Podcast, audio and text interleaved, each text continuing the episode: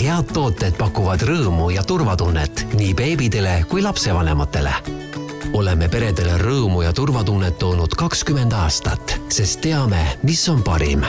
tule Nordbaby kauplustesse või osta kiirelt ja turvaliselt meie e-poest nordbaby.com. järgneb ravimireklaam Elevit Pronatal on vitamiinide ja mineraalainete komplekspreparaat, mis on kliiniliselt tõestatud, toetamaks sinu lapse normaalset arengut alates esimesest päevast kuni raseduse lõpuni. sinu beebi heaks.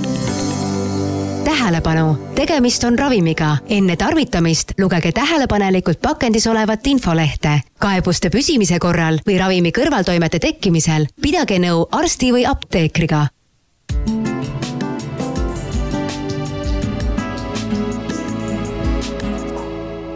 tere, hea kuulaja!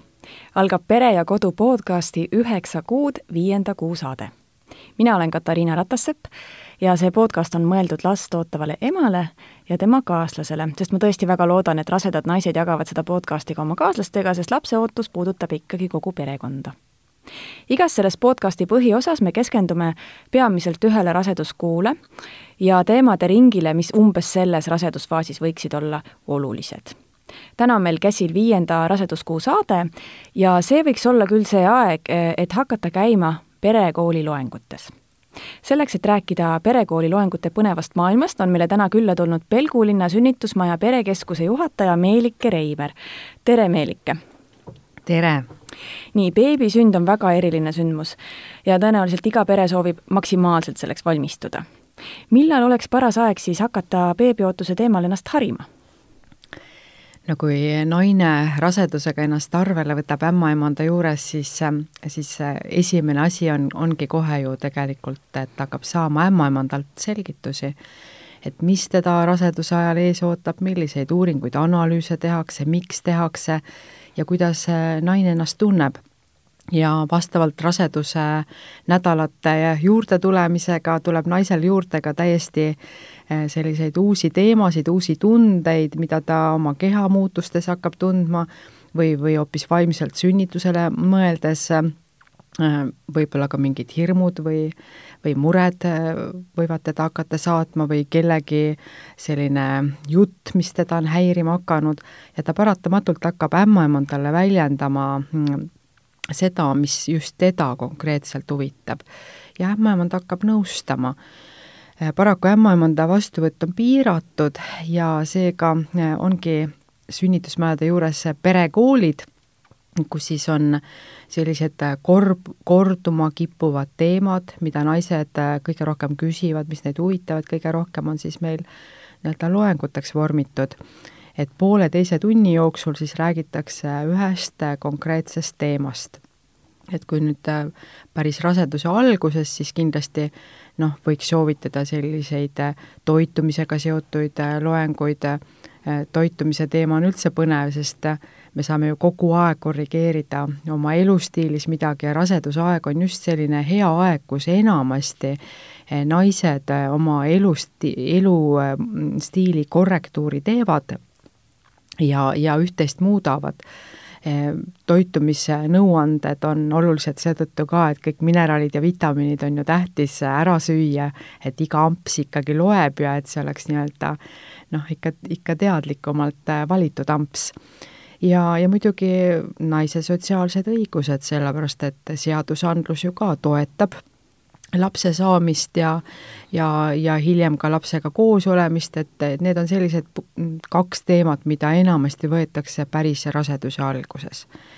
noh, kui siis juba jõutakse sinna, sinna kolmekümnendatesse rasedusnädalatesse, siis hakkab iga naine mõtlema paratamatult sünnitusele.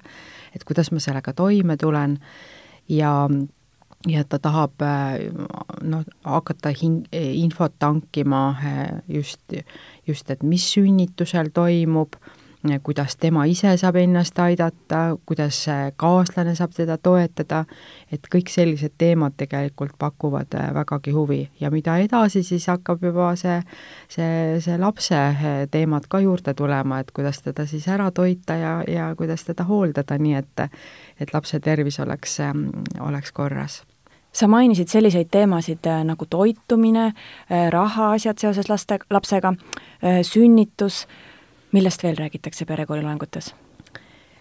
no sünnituse teema on nüüd hästi lai, et see ongi, see on, üks asi on see, et, et mis, mis konkreetselt sünnituse ajal keha läbi teeb ja teine on see, et kuidas ma selle võimsa ülesandega ise hakkama saan ja et kuidas, kuidas ma oskaks sünnitajana iseennast aidata.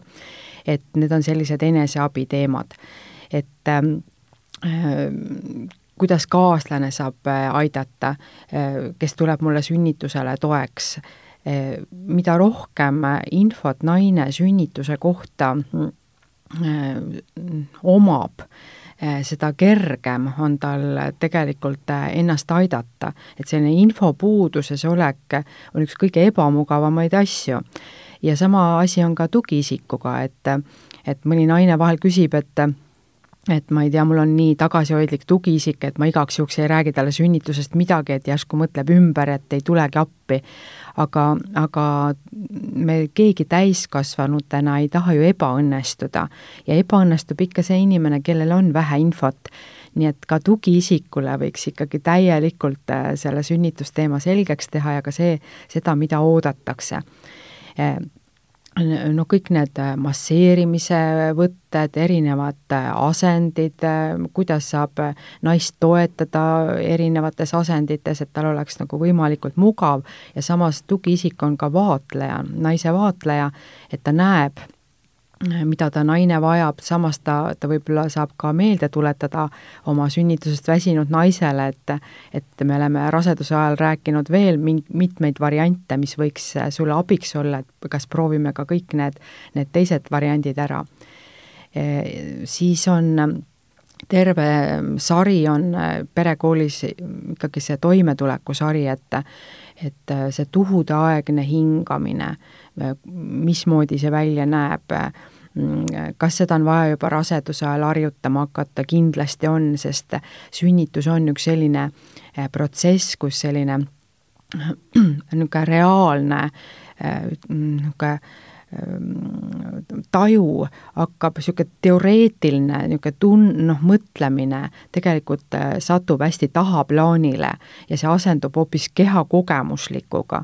ja kui naisel on siis kehas selliseid kogemusi, mida ta on siis eelnevalt raseduse ajal harjutanud, et sõna otseses mõttes harjutanudki seda tuhuaegset hingamist, kuidas hingata pikalt sisse ja siis veel pikemalt ja aeglasemalt välja kuidas teha kuus kuni kaheksa sellist edukat ilusat väljahingamist, kuidas siis eh, ta tajub, kuidas see selline natuke energeetiliselt võimsam hingamine, kuidas see viib pingesse mingid lihased, kuidas enamasti sünnituse ajal naised hoiavad kusagilt väga tugevalt kinni ja sõna otseses mõttes eh, näpuotsad on valged ja, ja õlad on nagu ülekoormatud, et kuidas ennast pärast seda, seda hingamist lõdvaks lasta, kuidas teadlikult näost varba otsani saada kõik kohad hästi pehmeks.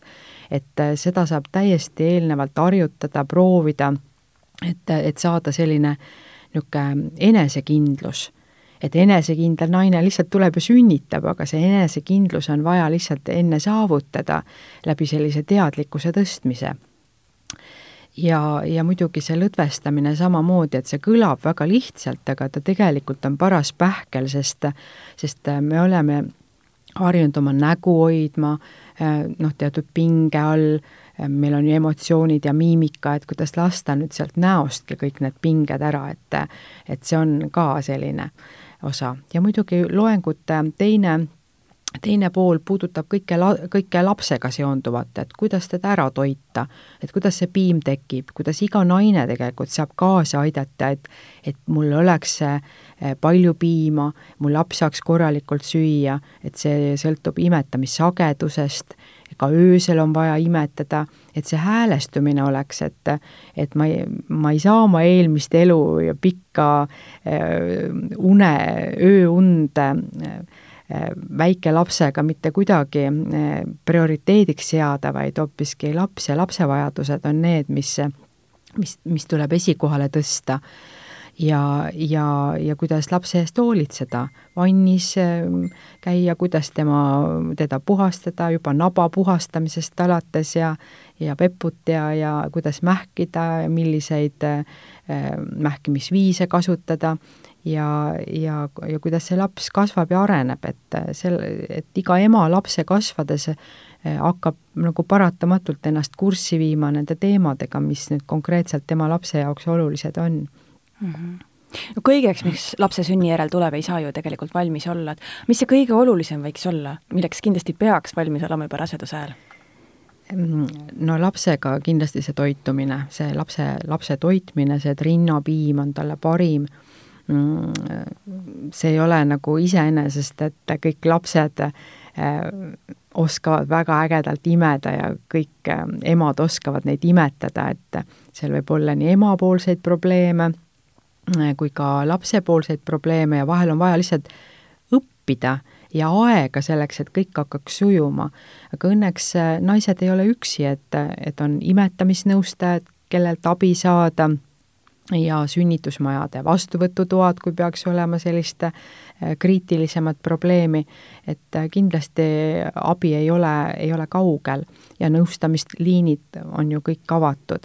ja muidugi ikkagi see see las-, lapse esmane abc hooldamisel, et, et kõigepealt see naba, äh, väet peab seal ära kuivama ja kukkuma, aga selleks, et see edukalt oleks, peab emased selle eest hoolitsema, julgema seda pesta ja puhastada ja kuivana hoida ja see, et seda nabakönti sinna mähkme sisse ei, ei pandaks hauduma, et sellised teadmised, kuidas silmi puhastada, no nüüd me soovitame, et kui ei ole mingeid põletiku nähtusid, siis lapse nägu võiks pesta täpselt samamoodi, nagu sa pesed iseenda nägu. aga vahel lihtsalt tundub see, see selline hirmutav, et see titt on pisike ja pead ei hoia ja ja üldse, kuidas ma teda tõstan mm. -hmm. et me perekoolis täiesti näitame neid võtteid, kuidas last tõsta, et see on vahel väga-väga keeruline ja, ja, ja lapsevanemad on väga heitunud sellest, et, et nad ei oska last äh, näiteks kraani alla panna, et tema peput pesta. et need saab kõik sünnitusmajas ära näidatud, et et sünnitusjärgselt ju ämmaemandad ja, ja lastetoaõed käivad kõik Äh, sünnitusjärgsetes tubades ja, ja näitavad seda ka veel lisaks sellele, et perekoolis on nukkude peal seda kõike harjutatud eelnevalt. et kõike saab kogu aeg korrata, korrata ja korrata mm. -hmm. milliseid teemasid võiksid isad või tugiisikud kuulama tulla? no tugiisikud äh, võiks kuulama tulla kõike seda, mis neid ka huvitab, et äh, noh, sünnituse teemat võiks kindlasti võtta, et nad saaks aru, et sünnitusel on kolm etappi ja ja et nad saaks aru, et millises etapis see naine parasjagu on ja, ja kuidas oma naist aidata. et, et see naine tuhu ajal peab hingama, hingama teistmoodi kui tavapäraselt, kui, kui naine läheb hirmule ja hakkab ennast krampis ja pinges hoidma, et siis tugiisik oskaks temaga koos kaasa hingata kui naine kasutab hääli, häälikuid äh, tuhuaegse hingamise ajal, siis ka tugiisik saab teda innustada neid samu häälikuid tehes naist võib-olla pikemalt äh, hingama, madalamat häälikut kasutama, siis äh, erinevad kehaasendid, milles kõik saab sünnitusel olla ja katsetada, et see sünnitus on selline protsess, et ega seda ei saa nagu Eh, noh, ette mõelda, et mul läheb kõik nagu plaan A järgi, võib-olla kehale ei sobi plaan A, et ma olen mõelnud, et et ma olen ainult ma ei tea, püstistes asendites seal, aga, aga ei suuda mingil hetkel enam, võib-olla sünnitus veab, venib pikaks, et, et ka kõige pikale veninuma sünnituse puhul peab tugiisiku sisse jääma see sõna jah, jah, sa saad, jah, ma aitan sind.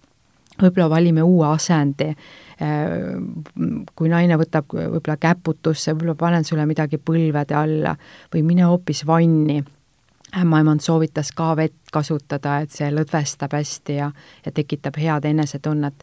et äh, kõike seda tegelikult saab äh, tugiisik julgustada naisel ka tegema või agaramalt osa võtma teatud poosidest, kui, kui ta on teadlik ja on täiesti teatud punktid, mida masseerides, näiteks kui seal selg valutab sünnitusel, siis seljale selliseid eh, kas, kas sõrmedega või rusikatega teatuid surveid avaldades ja selliseid massaažiliigutusi tehes saab tegelikult eh, ka seda, seda väliselt osutatud noh, survet saab seesmise eh, pingega, ping, tuleneva pingega tegelikult vähendada et, et need on sellised äh, täitsa toredad teadmised ja tugiisikul on ka väga kerge sünnitusele minna, kui ta, kui ta on kursis, et mis see naine temalt ootab sünnitusel. et kuidas ta saaks abis olla, abiks olla, mitte abitu olla. et ja see positiivsus, see, et, et kui sünnitaja väsib ja hakkab seal võib-olla ütlema, et ma enam ei suuda ja ma ei jaksa, et siis tugiisik ei tohi sellega kaasa minna, et mm. ta pigem peab oskama ja julgema öelda, et ma näen küll, kallike, kui kui raske sul on, aga ma näen, kui, kui vapper sa oled, kui hästi sa, sa saad hakata, hakkama hingamise ja lõdvestamisega, et sünnitus ei ole õnneks kaos, et ta on selline rütm, mis tuleb kehasse. on parasjagu kas see hetk, kui emakalihas töötab või see hetk, kui emakalihas puhkab ja siis on ju ka vaid kaks küsimust, et mida sa teed siis, kui see emakalihas töötab, siis tuleb hingata ja mida teha siis, kui emakalihas puhkab, siis tuleb puhata. ja neid kahte mm, hetke saabki tugisik väga edukalt kõrvalt ka toetada. no seda ma olen ämmaemandatelt kuulnud, et pea iga sünnituse või igal juhul väga paljude sünnituste juures tuleb seda ette, et naine ühes punktis ütleb, et mina ei jaksa enam, ma lähen koju ära, mina annan alla. et selleks vist peaks tugiisik valmis olema, et, et see, muidugi, äh, tugiisik peab valmis olema, et sünnitus väsitab naist. Ja väsinud naine hakkab äh, eksima ka oma avaldustes ja ja tegelikult võib-olla me tahame lihtsalt äh, Äh, teinekord ka, ka kaevata või, või, või, või hädaldada äh, selleks, et keegi kuulaks, et, et meil on raske ja, ja mõistaks, et äh, et, et meil on raske ja lihtsalt peegeldaks seda tagasi, et jaa, ma näen, et sul on raske, aga ma näen ka, kui tubli sa oled olnud, natuke on veel jäänud kohe,, kohe-kohe varsti on tita käes. sest enamasti just seal päris lõpus, seal, kus tempo on päris äh, Äh, äge, et äh, seal äh, see, see tuhude sagedus hakkabki naist lihtsalt väsitama mm. -hmm. sinu eelnevast jutust ma sain aru, et, et et eneseabistamisvõtteid ikkagi naine peaks ähm, harjutama, et saada need kehamälusse, et, et, et kuskil, kui nad on kusagil ra ratsionaalse mõistuse mälus oppides, et siis sünnituse ajal ei pruugi neid sealt üles leida, jah? Jah, nii see on, et isegi raseduse lõpufaasis juba hakkab see ratsionaalne mõtlemine tegelikult äh, kuhugi tahaplaanile sa- äh,, sättuma mm. -hmm. et see pole siis müüt, et, et jah ra, rasedusaegne aju? jaa, ei ole, ei ole, et see on ikka ette nähtud ja, ja ja raseduse ajal ka hakkab niisugune aeglustamine seal lõpufaasis, et naine enam ei mäleta hästi, kuhu ta neid asju pani ja ja mis ta just hetk tagasi ütles ja ja see on, see on väga ilus, sellepärast et, et peab tõepoolest tekkima see, see aeglustumine, et kui sünnitus algab, et siis see oma ego ei hakkaks mässama, et, et ikkagi naine äh, ei hakkaks äh, seal esitama neid küsimusi, et kui kaua veel, miks ta ei sünni, ma olen juba nii pikalt olnud, et, et ta saaks nagu need tu-, noh, niisugused need mõtted täiesti tahaplaanile just sel-, sellise alistumisega, et mu laps oskab sündida, ta sünnib omas tempos, jah, ma teen selle kaasa. ma tean, et ma pean ainult oskama tuhu ajal ägedalt hingata, sama energeetiliselt, kui see, kui see emakalihas töötab, ehk siis, siis ma saan sellest võitu. võib-olla hääled hakkavad mu seest tulema välja, ma hoian nad madalad, pikad. ja kui mul läks see nässu see üks hingamine, no ei tulnud välja, läksin krampi, läksin pingesse, siis sellest ei ole midagi, järgmise tuhuga saab seda kohe parandada. et ei, et ei saagi sünnitada eh, sada protsenti noh, edukalt. et üks naine ütles mulle hiljuti, et et tead, ma vaat-, mõt-, mõteldes oma sünnitusele, ma võin öelda et, et seitsekümmend viis protsenti ajast ma tegin õieti. et ta hindas seda hästi positiivseks oma sünnituskogemust ja niimoodi peakski minema sünnitusele, et et, et see ei ole mingi cum laude üritus, et see on, see ongi see, kus ma võin ka ebaõnnestuda ja ma võtan uuesti, ma uue tuhuga saan uuesti hakata hingama ja uue tuhu vaheajaga saan uuesti lasta teadlikult lõdvaks. sest see tuhuvaheaegne lõdvestumine on ses mõttes oluline, et paraku, kui kui sulle, kui sa ei suuda lõdvestuda ja sa, sa jääd sellesse pingesse või noh, mitte ainult füüsiliselt ka, vaid ka vaimselt, vaimne pinge on see, kui sa muudkui aga korrutad endale, et miks ta ei sünni ja ma enam ei suuda ja ma ei taha ja ma ei saa, see on selline, me saame ennast nagu kruttida üles ja, tegelikult natuke hulluks ajada, aga samamoodi me saame ennast maandada ja, ja need pinged alla viia. et, et kõik see, kõik see niisugune, niisugune lõdvaks saamine tähendabki seda, et et aju lõpetab adrenaliini tootmise, mis on niisuguse pingsa hetke paratamatu äh, ajuoskus. Ja, ja kui ikkagi väga võimsalt see adrenaliin vohab, siis noh, paratamatult see on valuvõimendi, see läheb järgmise tuhu ajal käiku. Ja, ja kui nüüd naine teab, et okei okay,, mul läks see lõdvestumine nässu, hingan selle tuhu üle ja järgmise lõdvestuse teen noh, maksimaalselt hästi, siis ta tegelikult füüsiliselt ka tunneb, et tal hakkab kergem. ta saab paremini hakkama. et äh, vahel ongi vaja eksida selleks, et läbi eksimuskogemuse nii-öelda minna järgmisele mm, äh, oskusele mm. -hmm. kas seda häälitsemist, hääle tekitamist võiks ka harjutada siis enne sünnitust? jaa, seda võiks täiesti, kõik need madalad hääled, et me tegelikult oskame neid teha, et me inimestena ju paratamatult ohime ja ahime, kui meil on võib-olla kas vaimselt või, või füüsiliselt raske, siis see õhhäälik nagu tuleb selleks, et me hulluks ei lähe, et me, me saame ennast nagu ära maandada. ja sünnitusega on samamoodi, et kui alguses algab see sünnitustegevus ja tuhud on alles nõrgakesed, siis küll ei ole vaja kellelgi häälitseda teadlikult, sest see oleks selline mõttetu energia raiskamine, keha vajadus selles, selleks ju veel puudub. aga mingil hetkel see lihtsalt tuleb, kus sa, kui sa tajud, et kui see tuhu ikka kestab seal noh, nelikümmend kuni kuuskümmend sekundit, siis noh, meie ütleme, et hinda seda valuskaalal, siis enamasti, kui see tuhu tuleb, noh, mingi kümmekond sekundit, siis no naised ütlevad valuskaalal, et see on neli. ja kui see tuhu jõuab sinna kulminatsiooni, noh, see on võib-olla kolmas, neljas, viies hingamine, siis naised ütlevad, mõne, mõned ütlevad kaheksa, mõni ütleb üksteist, sest meil on erinev valulävi mm. -hmm. ja tõepoolest siis vot selles kulminatsioonis see hääl tuleb nagu paisu tagant välja ja see tuleb lihtsalt hoida madal ja möirgav ja ürgne ja seda, seda, seda keha nagu nagu hakkab ise spontaanselt tegema, sest et niimoodi on kehal kergem, sest see häälik vibra-, oma vibra-, vibratsiooniga võtab maha selliseid lihaspingeid, aga laps tuleb ju vaagnast läbi ja vaagen ongi seest ja väljastpoolt selline lihaseline polster. Ja, ja kuhu võivad väga palju pingeid tekkida ja vot seesama niisugune madal, kõmisev, ürgne, natuke vahel isegi loomalik hääl, ta tegelikult äh, lükkab need pinged ka sealt ära mm. -hmm. nii et seda hääle tekitamist ei tohiks karta, jah? ei tohiks karta, et see ei ole väärikuse kaotamine mm, -hmm. vaid see on pigem ikkagi selline noh, niisugune loomulik äh, sünnitusel tekkiv vajadus. ja, ja kui see hääl läheb ikka kiledaks ja kõrgeks, küll siis juba ämmaemand ka ikka hakkab ütlema madalamalt, madalamalt, pikemalt, et äh, me saame kohe aru, et mis töötab naisele kasuks ja mis kahjuks. miks see kilehääl kahjuks töötab? no sellepärast, et äh, kilehääl on selline, äh, selline noh, kus esiteks juba see, et kus naine tunneb ebamugavust emaka kaela avanemisega on see seotud ja see toimub, et see tunne tuleb ikka kas alakõhtu, alaselga või jalgadesse, ehk see, siis see tuleb vaagnapõhja. ja kuna vaagnapõhja lihased on meil ju kõik tahtele alluvad lihased, me saame ju tugevalt nagu pingutada ennast alt, et hoida pissi ja kakahädad kinni, seda liigutust me oleme teinud elu jooksul korduvalt, siis automaatselt, kui selle all on meil ebamugavused, siis me tõmbame ennast sealt alt pingesse ja tegelikult see hääl valuga tahab välja tulla ja see tulebki nagu üles, ehk siis see rõhk lükatakse üles ja see tuleb alati niisugune kiljuv ja kõrge ja kile.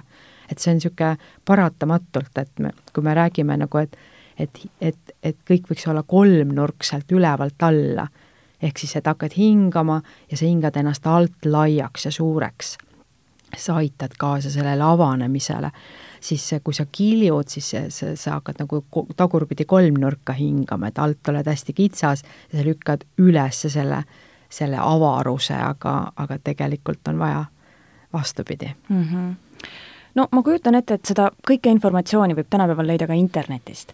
aga millised eelised on just perekooli loengutel osalemisel siis internetist materjali otsimises? Jaa, nüüd on tõesti tore, et see infot on väga palju, aga me tegime just eelmine aasta, kaks tuhat üheksateist, perekooli rahulolu uuringu ja seal me siis küsisime, et et miks naised siis selle, vaatamata inforohkusele, hakkavad ikkagi perekoolis käima ja, ja miks nad tulevad, siis sellest uuringust tuli välja, et et nad soova, soovivad saada juurde rohkem teadmisi ja oskusi just spetsialistidelt.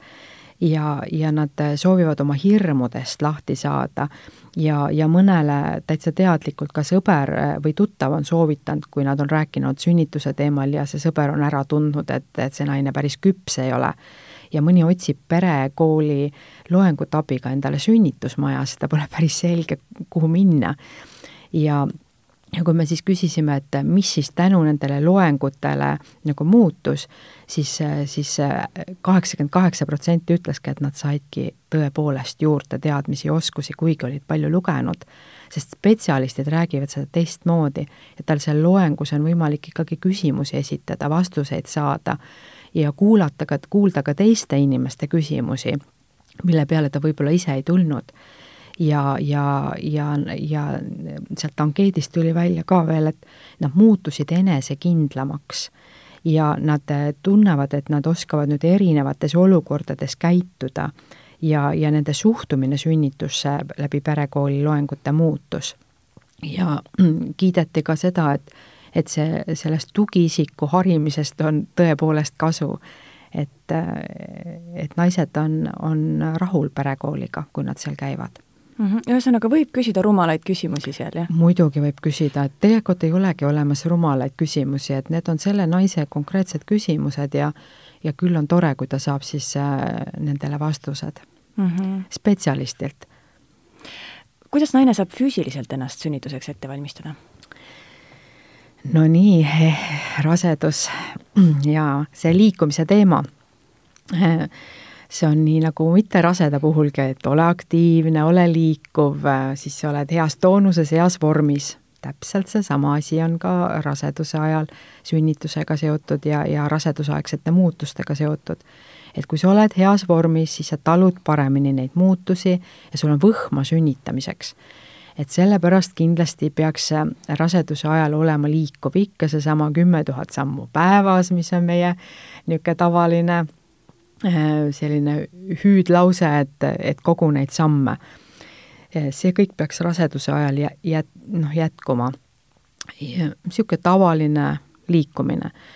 Äh, noh, siis muidugi treeningud, et kes on varasemalt käinud treeningutes, jätkaku julgelt, kui enesetunne on hea, treenerit võiks ainult teavitada ja, ja kes ei ole mitte sugugi veel olnud kuidagi sportlik, siis ongi äh, või ütleme, liikuv, isegi mitte sportlik, vaid vaid liikuv ja sellise aktiivse mm, elustiiliga, siis raseduse ajal ma olen küll märganud, et pari, päris mitmed naised ütlevad, et ma pole kunagi elus teinud ei joogat, ei, ei võimlemist, aga nüüd ma mõtlesin, et võiks proovida.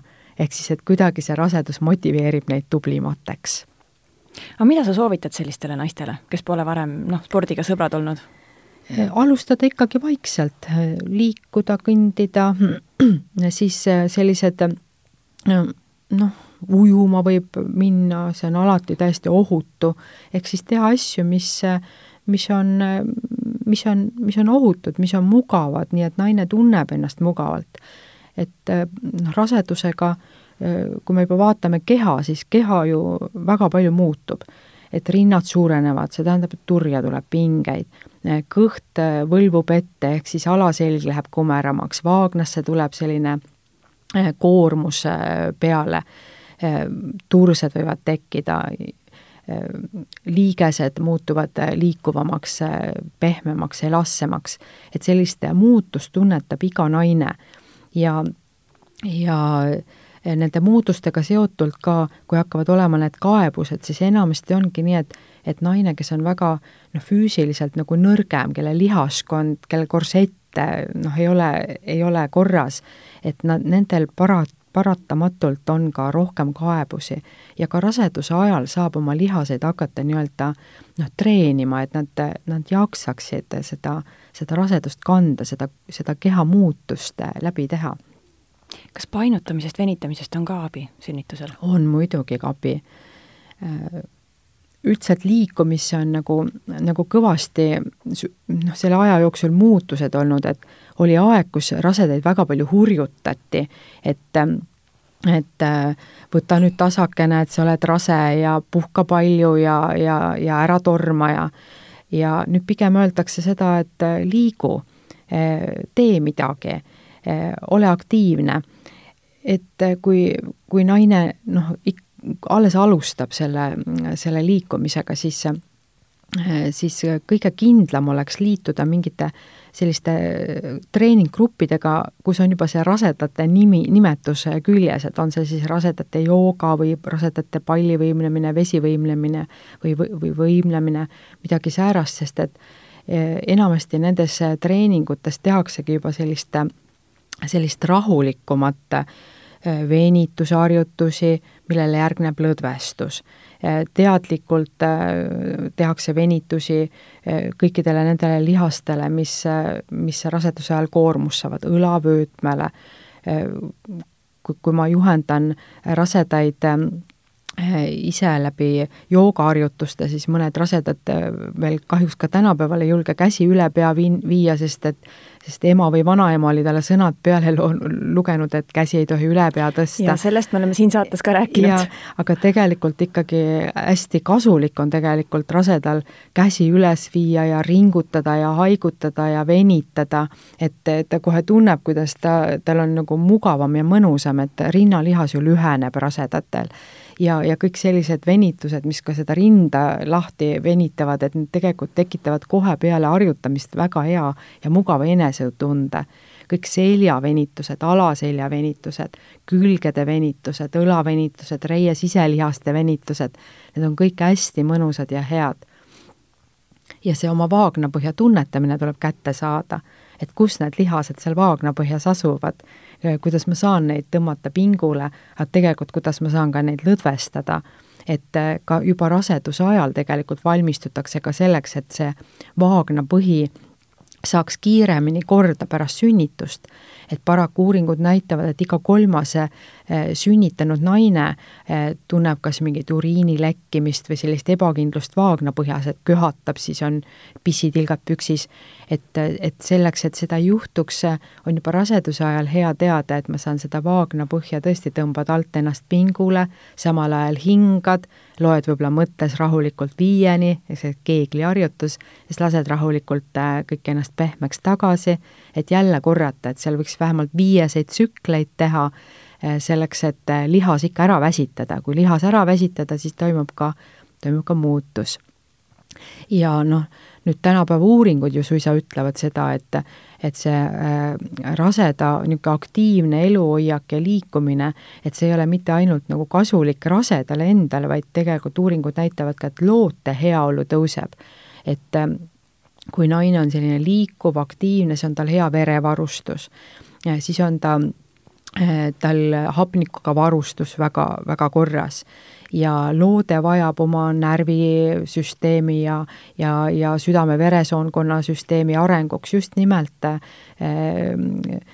seda vereringest tulevad, tulevad head ja paremat ja samamoodi hapnikuga varustatust ka nii et, et liikumine on tõepoolest kasuks äh, ka lootele mm. -hmm. nii et kui enda heaolule mõtlemine ei motiveeri trenni minema, siis, siis äkki motiveerib lapse heaolule mõtlemine? jaa, see on kasulik, see on tõesti kasulik, et, et isegi tänapäeval on üle vaadatud need, näiteks sellised asjad, et äh, kui on seal enneaegse sünni oht või ähvardava raseduse katkemise oht või äh, või, või on mingi äh, noh, mingi rasedusaegne diabeet või midagi sellist, siis siis uuringud ütlevad, et tuleb olla ikkagi aktiivne, mitte tõmmata ennast passiivseks. et kuulata keha, see on väga oluline, sest keha enamasti ikkagi annab signaale, kas ta võtab sind rajalt maha, paneb sind seisatama või siis vastupidi, sa tunned, et oh, ma jõuan täna rohkem kõndida, mul on parem enesetunne, kui ma olen liikunud ja, ja tegelikult see ka, ka kõiki neid niisuguseid vaimseid pingeid maandab, selline füüsiline liigutamine. ja kes on varasemalt trenni teinud, siis noh, ta lihtsalt paratamatult on, on teadlikum üldse treenimisest, noh, seal on siis äh, et kes seal teevad jõutreeninguid, et, et need kordused, et soovitatakse, et ei oleks üle kaheksa kuni kaheteist korduse äh, selle, seda ühte harjutust tehes ja et pulsisagedus ei läheks seal saja neljakümnest ülespoole. et äh, tegelikult need naised on ikkagi väga-väga teadlikud ja võib-olla ainuke asi, noh, mida, mida võiks äh, teada, on see, et alates kuueteistkümnendast rasedusnädalast, nädalast noh, ei ole vaja seda diastaasi juurde tekitada, ehk siis äh, sellist asja nagu sirgete jalgadega pikali minekut ja sirgete jala, jalgadega kere üles tõsta, et, et neid võiks teadlikult vältida, sest see otseselt hakkab lahti kakkuma neid kõhu, kõhupikilihaseid, et see, et seda võiks äh, mitte, mitte üldse teha mm. -hmm aga kas mingitel juhtudel ikkagi oleks mõistlik äh, raseduse ajal treeningutest hoiduda? Eh, noh, eh, võib-olla kui on veritsemise oht, siis, eh, siis võiks mõelda, et noh, ikkagi tõmban tagasi, vaatan, kuidas siis see, see keha käitub. kui vererõhk on kõrge, kui hakkavad ilmnema need raseduse toksikoosi Äh, probleemid, mis preeklampsiale juba viitavad, et et no kõik need vererõhk ja tursed ja valkuriinis, kui need juba, see pakett hakkab juba kokku saama, no siis, siis see on niisugune paratamatus, et et sa ei liigitugi enam nagu nagu, nagu normraseduse alla, vaid sul, sa oled juba probleemne, riskidega rase, et siis need riskid hinnatakse vägagi meedikute poolt üle ja, ja kindlasti ämmaemand informeerib ja rase ise juba tegelikult hakkab olema ikka murelik, et kuidas tal see edasi kulgeb ja kuidas sünnitus ja, ja, ja no, no see on siis see, kus ikkagi rase enam enamasti trenni küll ei tule. et siin ei ole vaja isegi mitte öelda, vaid see, see keha ise annab märku, et mida ma vajan rohkem ja mida võib-olla üldse mitte või, või tõmban midagi päevakorrast maha mm. -hmm. aga kui rasedusega on kõik hästi, siis tasuks ikka iga päev liikuda, jah? iga päev liikuda, see on, see on kasuks eh, nii sünni-, rasedusvaevuste leevendamiseks kui ka see annab võhma sünnituseks, et kui sa ikkagi oled heas toonuses, siis sa jaksad väga edukalt sünnituse ajal hingata ja väga meisterlikult lõdvestuda. see tuleb selgeks saada mm. -hmm. mulle tundub, et me oleme saanud nüüd kena ülevaate perekooli tegutsemisest aitäh sulle, Meelike mm! -hmm. aitäh, armas kuulaja, et sa meid ära kuulasid. ma loodan, et sinu rasedus jätkub sama toredasti, nagu see siiamaani on kulgenud. kõik meie saated on leitavad Spotify'st, iTunes'ist, SoundCloud'ist ja kõikidest teistest suurematest podcast'ide rakendustest. leia meid üles, hakka jälgima ja uued episoodid jõuavad esimesena sinuni. Kuulmiseni!